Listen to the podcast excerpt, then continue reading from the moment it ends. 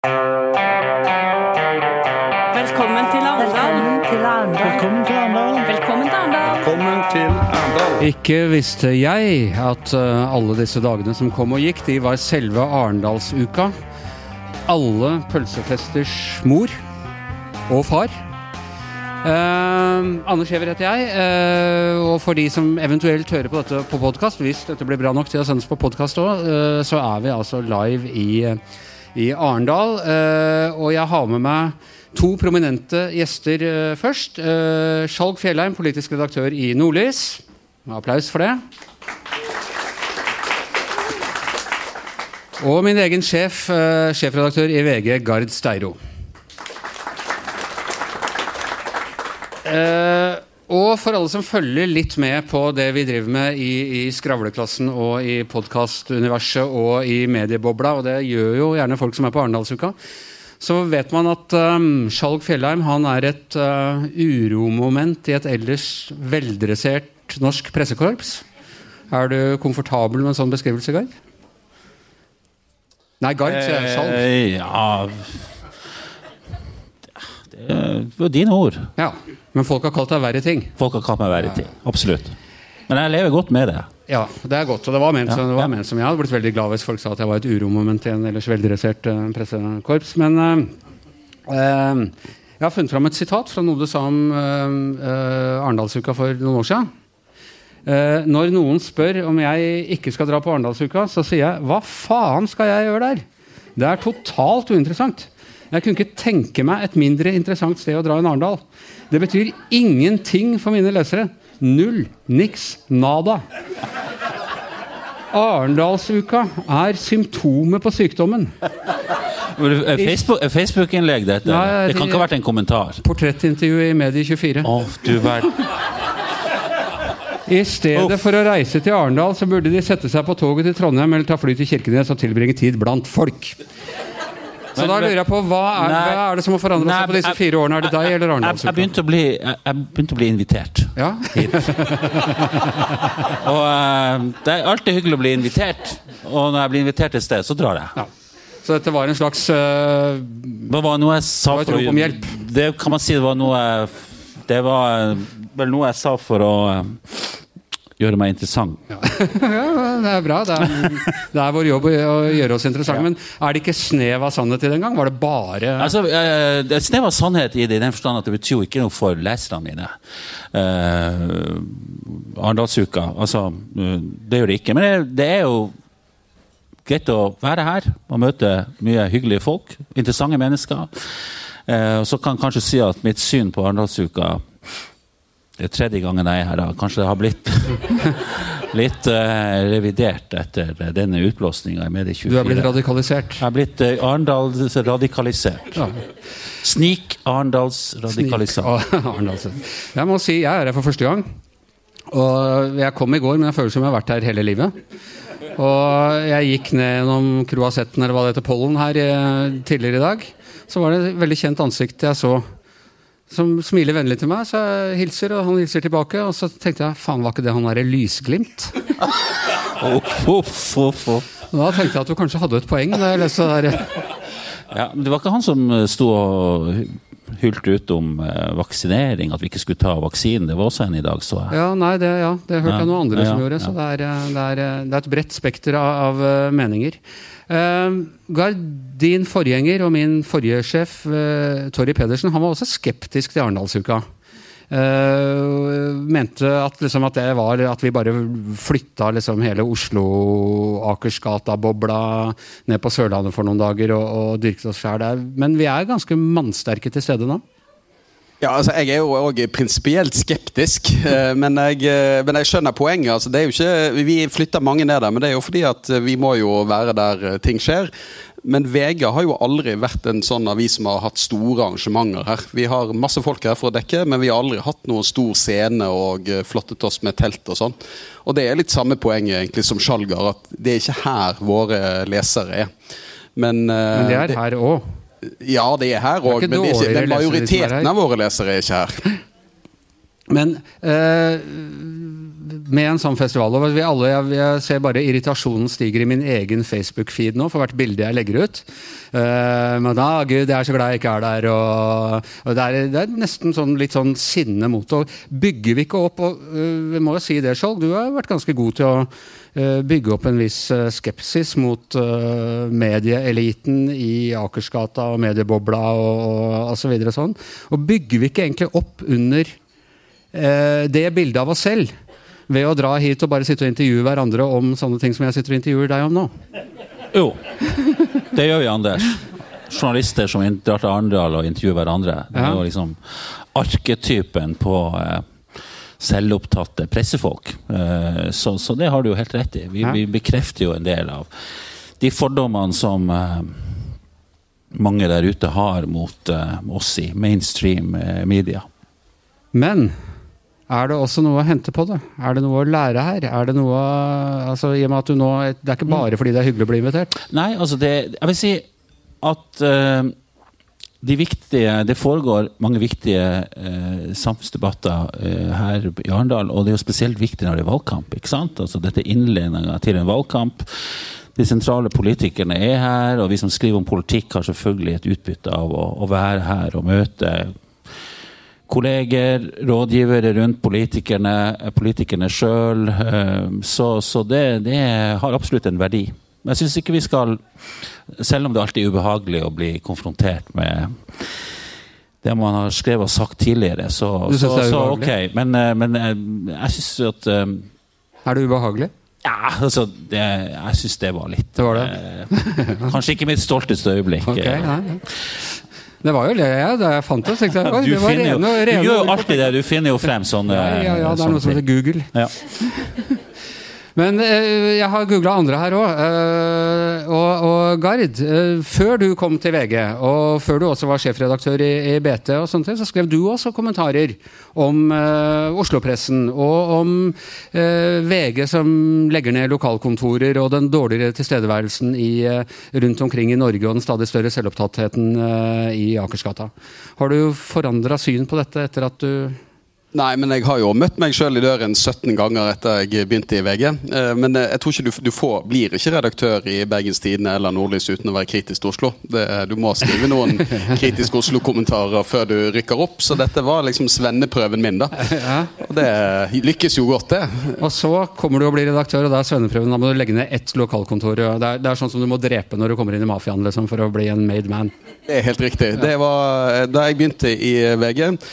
Da hadde jeg vært gjennom uh, to sånne store kuttrunder i Bergens Tidende. Og så kom jeg til VG og så med løfte om at her skal det ikke kuttes. Og det tok det var første dagen på jobb, så ble jeg kalt inn til et sånt kuttmøte. Du, dere har, I Nordlys har også kutta lokalkontorer uh, rundt omkring? Ja, og det, vi møter oss sjøl i døra, vi òg. Ja. Vi har kritiserer VG for å ha lagt ned alle sine kontorer rundt omkring i landet. og vi har bare to lokalkontorer igjen i Nord-Norge. Nei, og Hvor mange hadde dere? Vi hadde, da jeg begynte i Nordlys for 16 år siden, så hadde vi seks lokalkontor. Ja. Og det er jo den samme dynamikken, liksom. Altså, det er de økonomiske realiteter og, og de redaksjonelle prioriteringer som møtes i en uskjønn forening?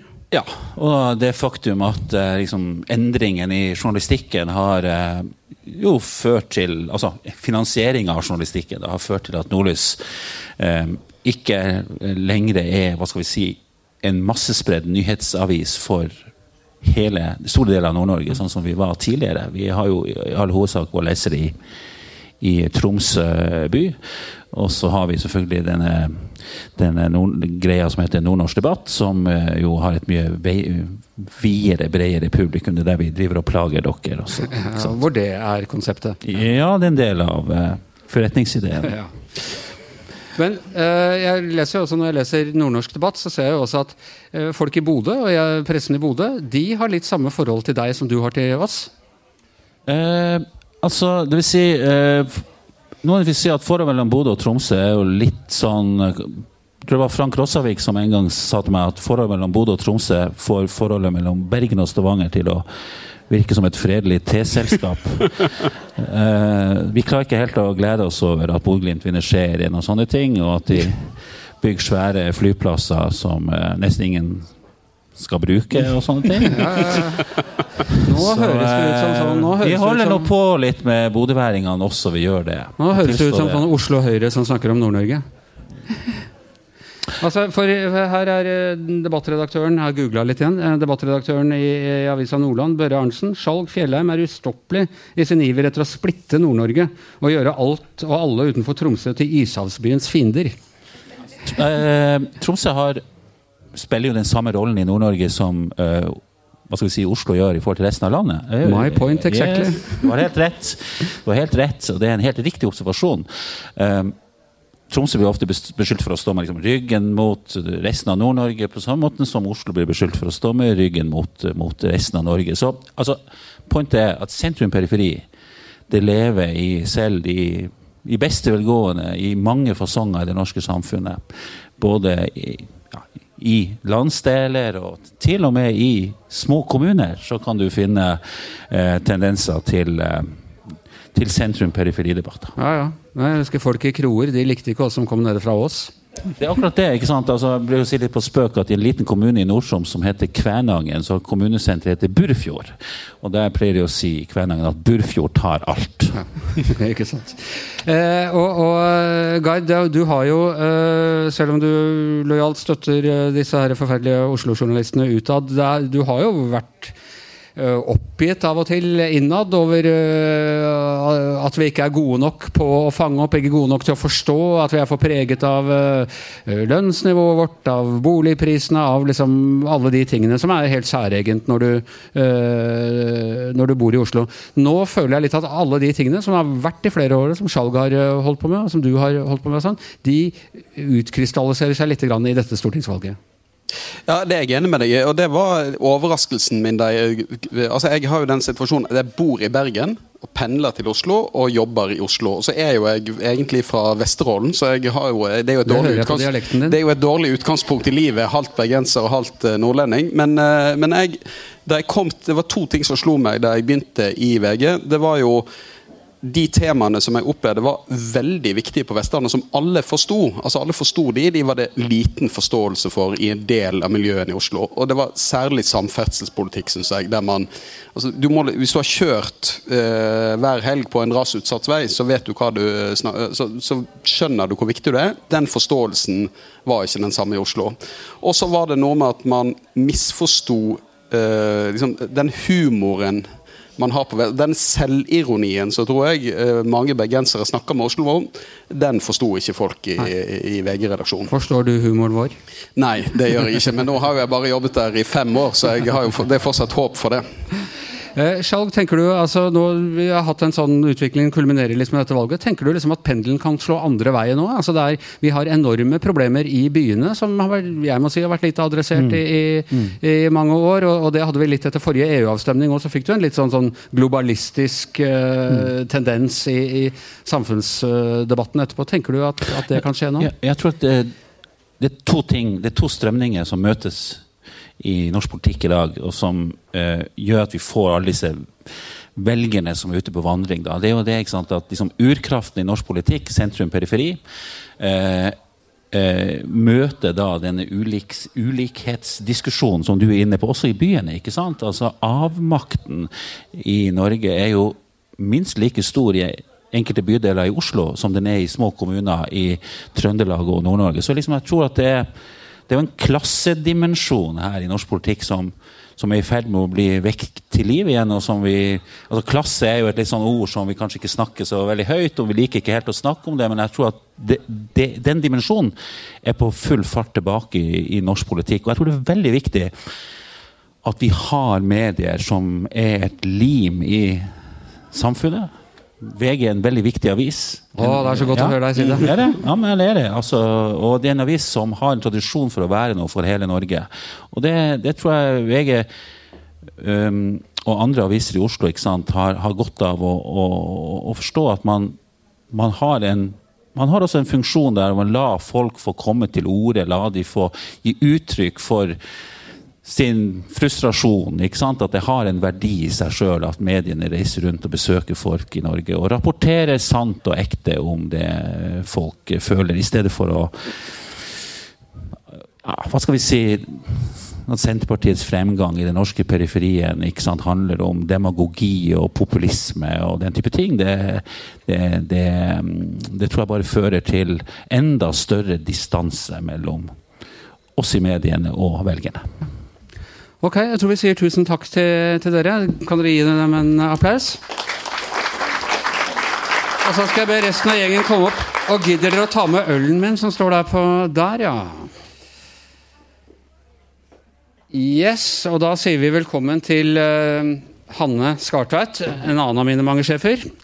Uh, Tone Sofie Aglen og Hans Petter Sjøli, faste medlemmer av, av, gjengen. Og Jeg har bare lyst til å begynne med deg først, Tone Sofie, for du er liksom den nye standkommende. Uh, og flytta fra en, en, sentral posisjon i uh, en større avis i Midt-Norge og, og, inn til VG. Hvordan, det er to og et halvt år siden nå. og Hvordan opplever du den sentrum-periferi uh, fra presseperspektiv som vi har snakket om her nå?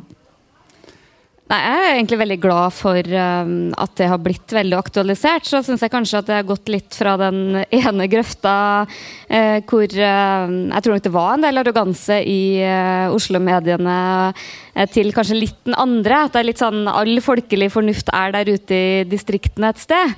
Men jeg tror det har vært ganske bevisstgjørende. Så jeg er litt sånn opptatt av at det her handler ikke bare om uh, geografi. For jeg, jeg, tror noe vi har vært ganske flinke de siste årene å reise til pittoreske steder i Nord-Norge og, og, skrive hjem. Jeg tror også det som Er det greit å kalle dem pittoreske steder i Norge? Hadde ikke jeg turt. Instagram-vennlig, da. Det, um, å, å, rapportere derfra. Mens jeg tror, som Skjalg også var inne på, at litt det klasseperspektivet er liksom viktig å være bevisst på. For uh, jeg tror vi som kommentatorer, journalister, har sånne jobber, lett omgås folk som er ganske like oss sjøl, og ser ut av kjøkkenvinduet og tenker at sånn tenker alle. Og jeg merker i hvert fall eh, det siste året, jeg har vært veldig mye hjemme i Namdalen fordi vi har hatt hjemmekontor og sånn. Og folk er opptatt av litt andre ting, altså. Men jeg tror ikke det bare handler om hvor man bor, men jeg tror også det handler om hvem du omgås og hvordan du lever livet ditt. Uh, Hans Petter Sjøli, du er jo også en gutt fra distriktene, fra, fra Steinkjer. Ja, og den, jeg vil si, den mest globalistiske, eurovennlige kanskje av alle i hele kommentaravdelingen, med mulig unntak av Hanne Skartvedt.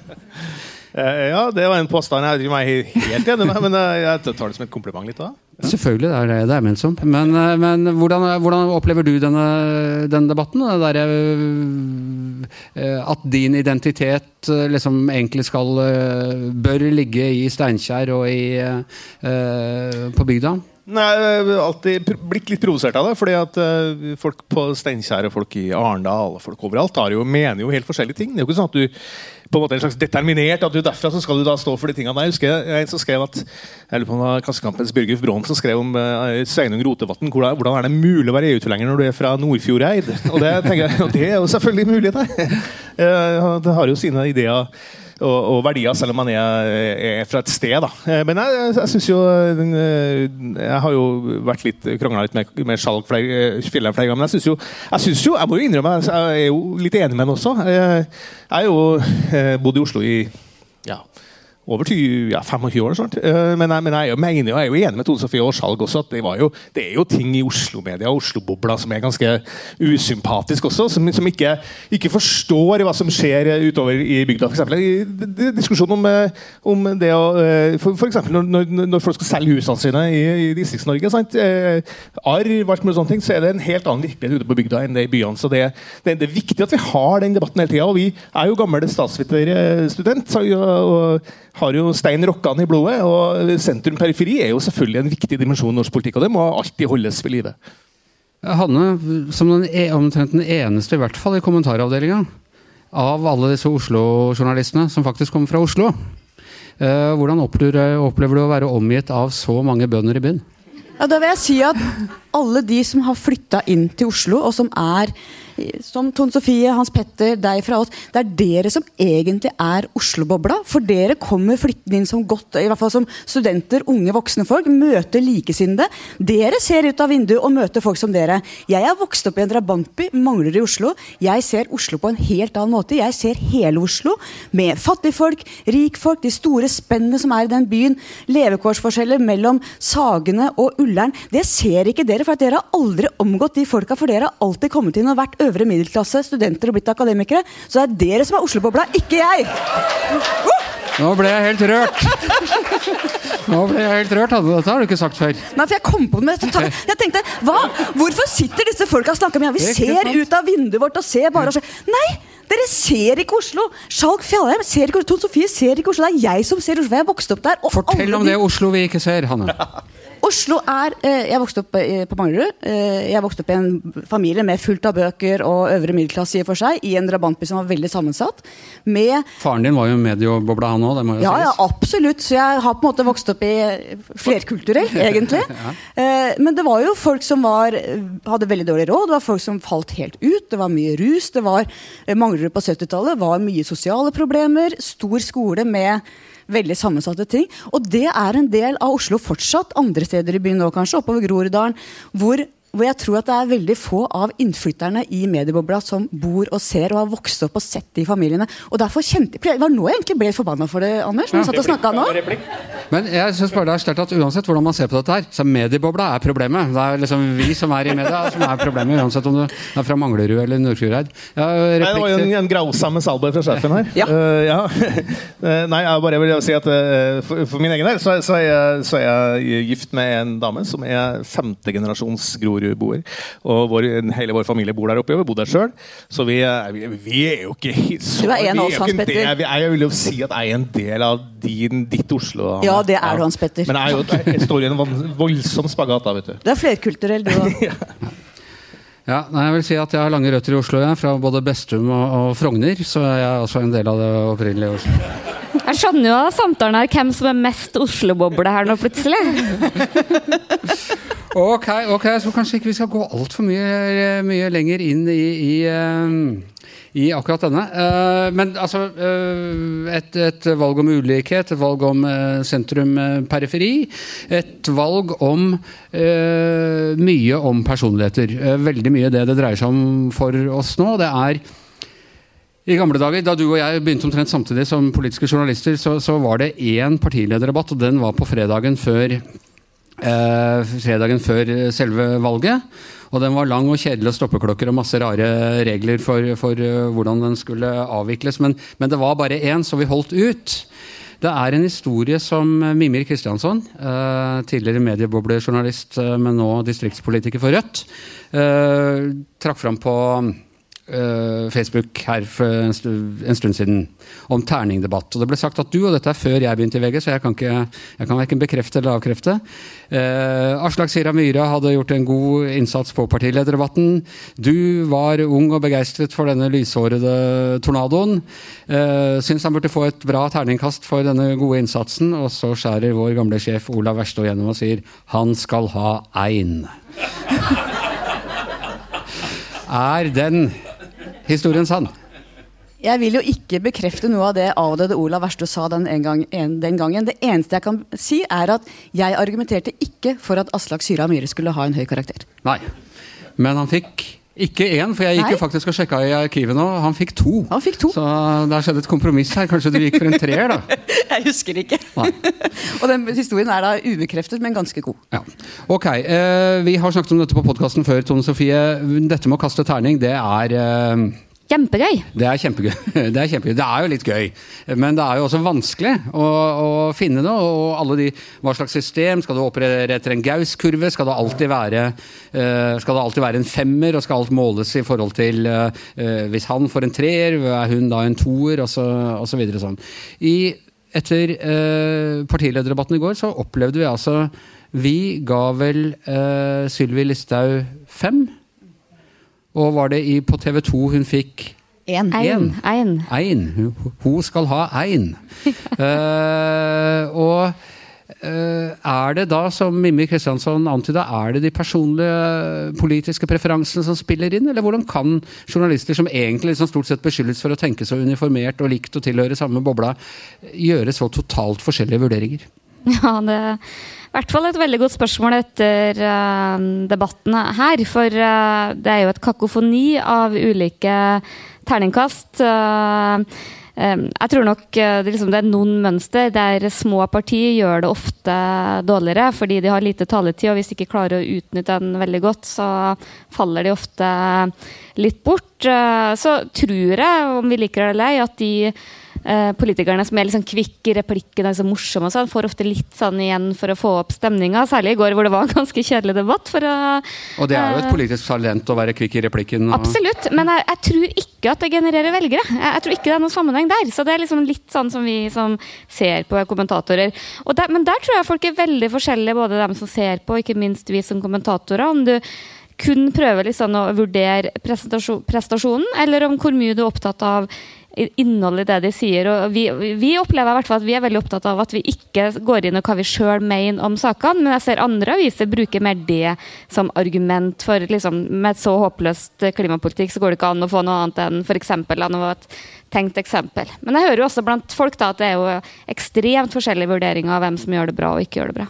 Men uh, Hanne, altså har uh, Terningen ble jo da innført faktisk av Arne Skouen i sin tid i VG, da han, da han var i, i, VG. Han mener at det er det han angrer mest på i hele livet.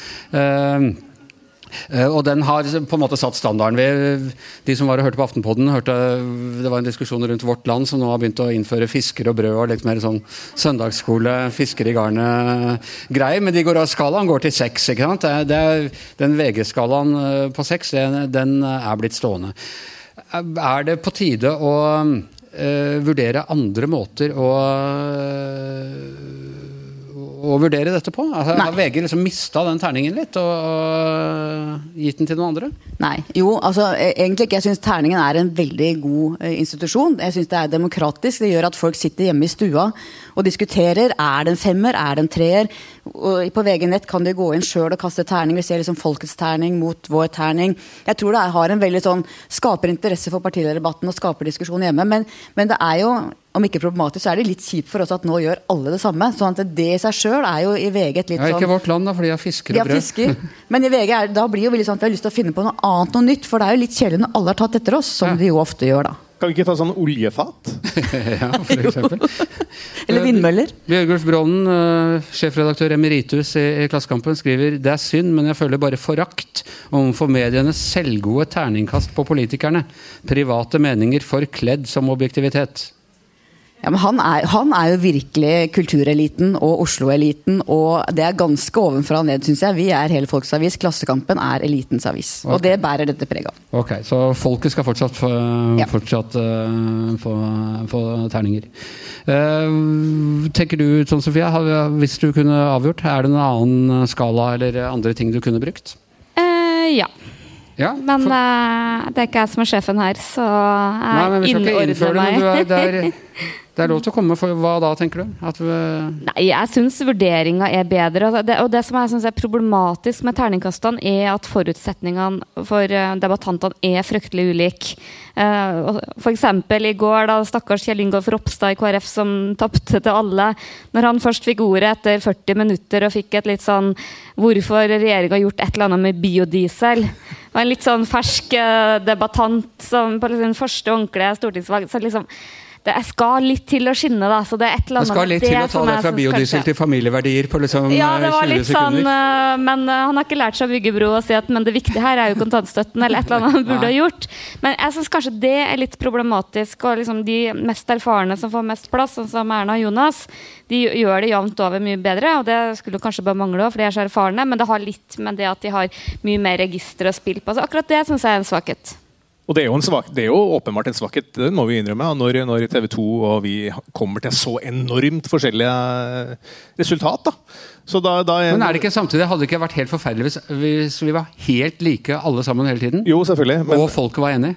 Jo, det, det, det, har vært, da er vi over i regimet vi ikke vil sammenligne oss med, tror jeg. Men eh, altså, fra én til fem er jo en gedigen forskjell. Da, Så det er, jo, det, er jo, det er jo tegn på at, at det, er en ganske sterk eh, innslag av subjektivitet inn i vurderingene. Også. Men det må jo kunne gå an å si at vi mener, jeg mener at eh, TV 2 tok helt feil da de ga Sylvi Listhaug ternekast 1.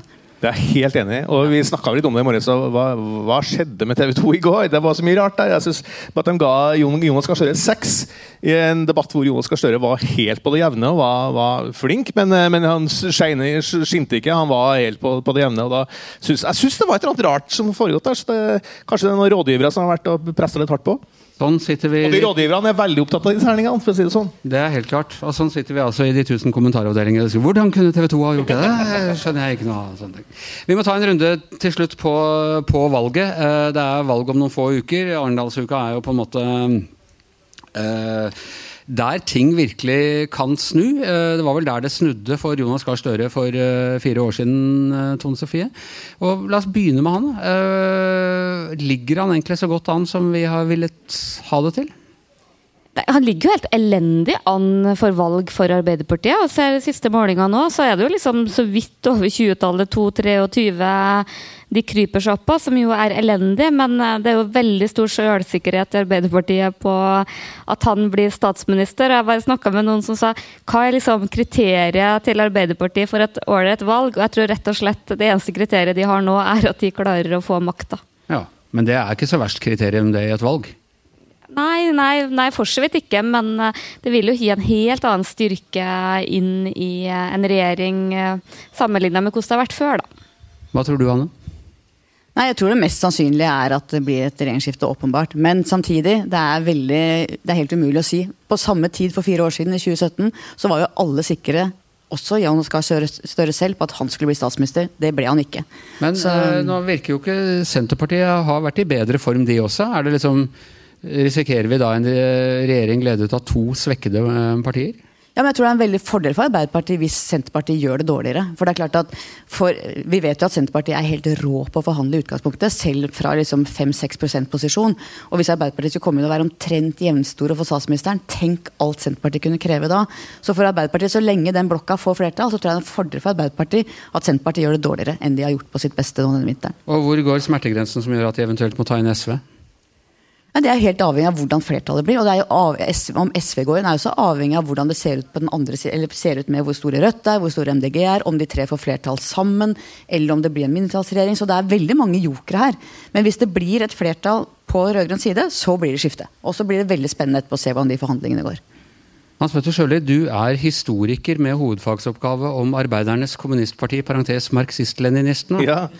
Nå rykker deres arvinger kanskje inn på Stortinget med det største antall representanter siden NKP fikk 10 eller 16 eller hvor mye det var i Ja, det første valget etter krigen. Endelig får de tjene folket. Endelig får de tjene folket. Eh, hva tror du det vil eh, kunne få å si? Nei, det, kan, det vet vi ikke, men det er jo, det er jo en dra, dramatisk valg vi snakker om her. Altså, Arbeiderpartiet gjør det som du sier, kjempedårlig. Ikke sant? Det, det, det er jo en, eh, egentlig en sånn paradigmeskifte i norsk politikk. det der. At de småpartiene begynner å bli såpass store, og at Rødt eh, opp på 7% er jo, er jo dramatisk. Vi, vi sånn, Norsk politikk ligner litt mer på Danmark etter hvert. Vi får masse sånne småpartier som, som ligger på en sånn 6-7 eh, Miljøpartiet De Grønne og SV og, og, og sånn, og Frp og der også nå. Så, så det er en helt annen geografi i, i norsk politikk nå. Det synes jeg er fryktelig spennende. Og det hva, hva slags regjering det her blir, det må gudene vite. Det, det kan du fortelle, Tone. kanskje, jeg vet ikke. Altså, jeg, jeg, Jonas Gahr Støre kan kan ende opp på 21 da. i, i gamle dager så ville det vært helt fullstendig katastrofe. Da jeg begynte i politisk journalistikk, så var jo hvis Arbeiderpartiet bevega seg ned mot 30% så var det krise. Da sendte vi noen opp til Nord-Norge for å finne noen som kunne si at nå må Gro gå. Uh, Tone Sofie, forrige fredag eller torsdag, eller, altså forrige uke så hadde vi eh, Eivind Trædal fra Miljøpartiet De Grønne som, eh, som gjest i denne podkasten. Etter det så har Miljøpartiet De Grønne gjort et kjempehopp på, eh, på meningsmålingene. Og mor Nille er en stein. Og mor Nille er en stein. Kommer, eh, hvor mye kommer denne klimasaken den klimarapporten til å få å si? Vil det, vil det liksom brenne seg ut før valget, eller vil det kunne forandre dynamikken blant de uh, sperregrensepartiene? Jeg mener at uh, alt nå er utrolig åpent. For det, det som er veldig interessant å se, at uh, fryktelig mange velgere på gjerdet. Veldig lav lojalitet til alle partiene. eh, Veldig store skiftninger mellom eh, eh, målingene, selv om det er eh, selvfølgelig noen sånn hovedtendenser. Vi har jo lenge sett at det har vært de røde partiene, SV og Rødt, som har gjort det bra på, mens MDG har vært, gått litt under radaren. Så kom den klimarapporten. Jeg er veldig usikker på om det er fordi vi i mediene har hatt så mye agenda i går. En time i debatten gjør jo at MDG og Venstre får noe momentum. Om det varer helt inn til valgkampen, er jeg veldig usikker på. Jeg fikk, ble ikke så veldig interessert i klimapolitikk da jeg hadde hørt den 50 minuttene med klimadebatt. Jeg kan jo avsløre, jeg snakka med en MDG-politiker i går, i dag, som faktisk sa at også han syns at det ble litt lenge. Så da, det sier jo kanskje litt, da. Eh, Hanne, hva tror du? Blir det et klimavalg? Klima og ulikhet. Jeg tror kanskje den eh, som dere begynte med å snakke om, eh, sentrum-periferi, er litt brent ut, kanskje. Ja. Ok, det er lenge igjen til valget. Mye kan skje, eh, men eh, dere kan følge med på podkasten Giæver og gjengen hver eneste hverdag hele uken. Vi er ferdig herfra, eh, Arendal. Tusen takk til Skjalg Fjellheim, tusen takk til Gard Steiro. Her sitter Hanne Skartveit, Tone Sofie Aglen. Dette er Hans Petter Sjøli. Jeg heter Anders Giæver, og mannen som gjør det hele til terningkast seks, er som vanlig vår produsent Magne Antonsen.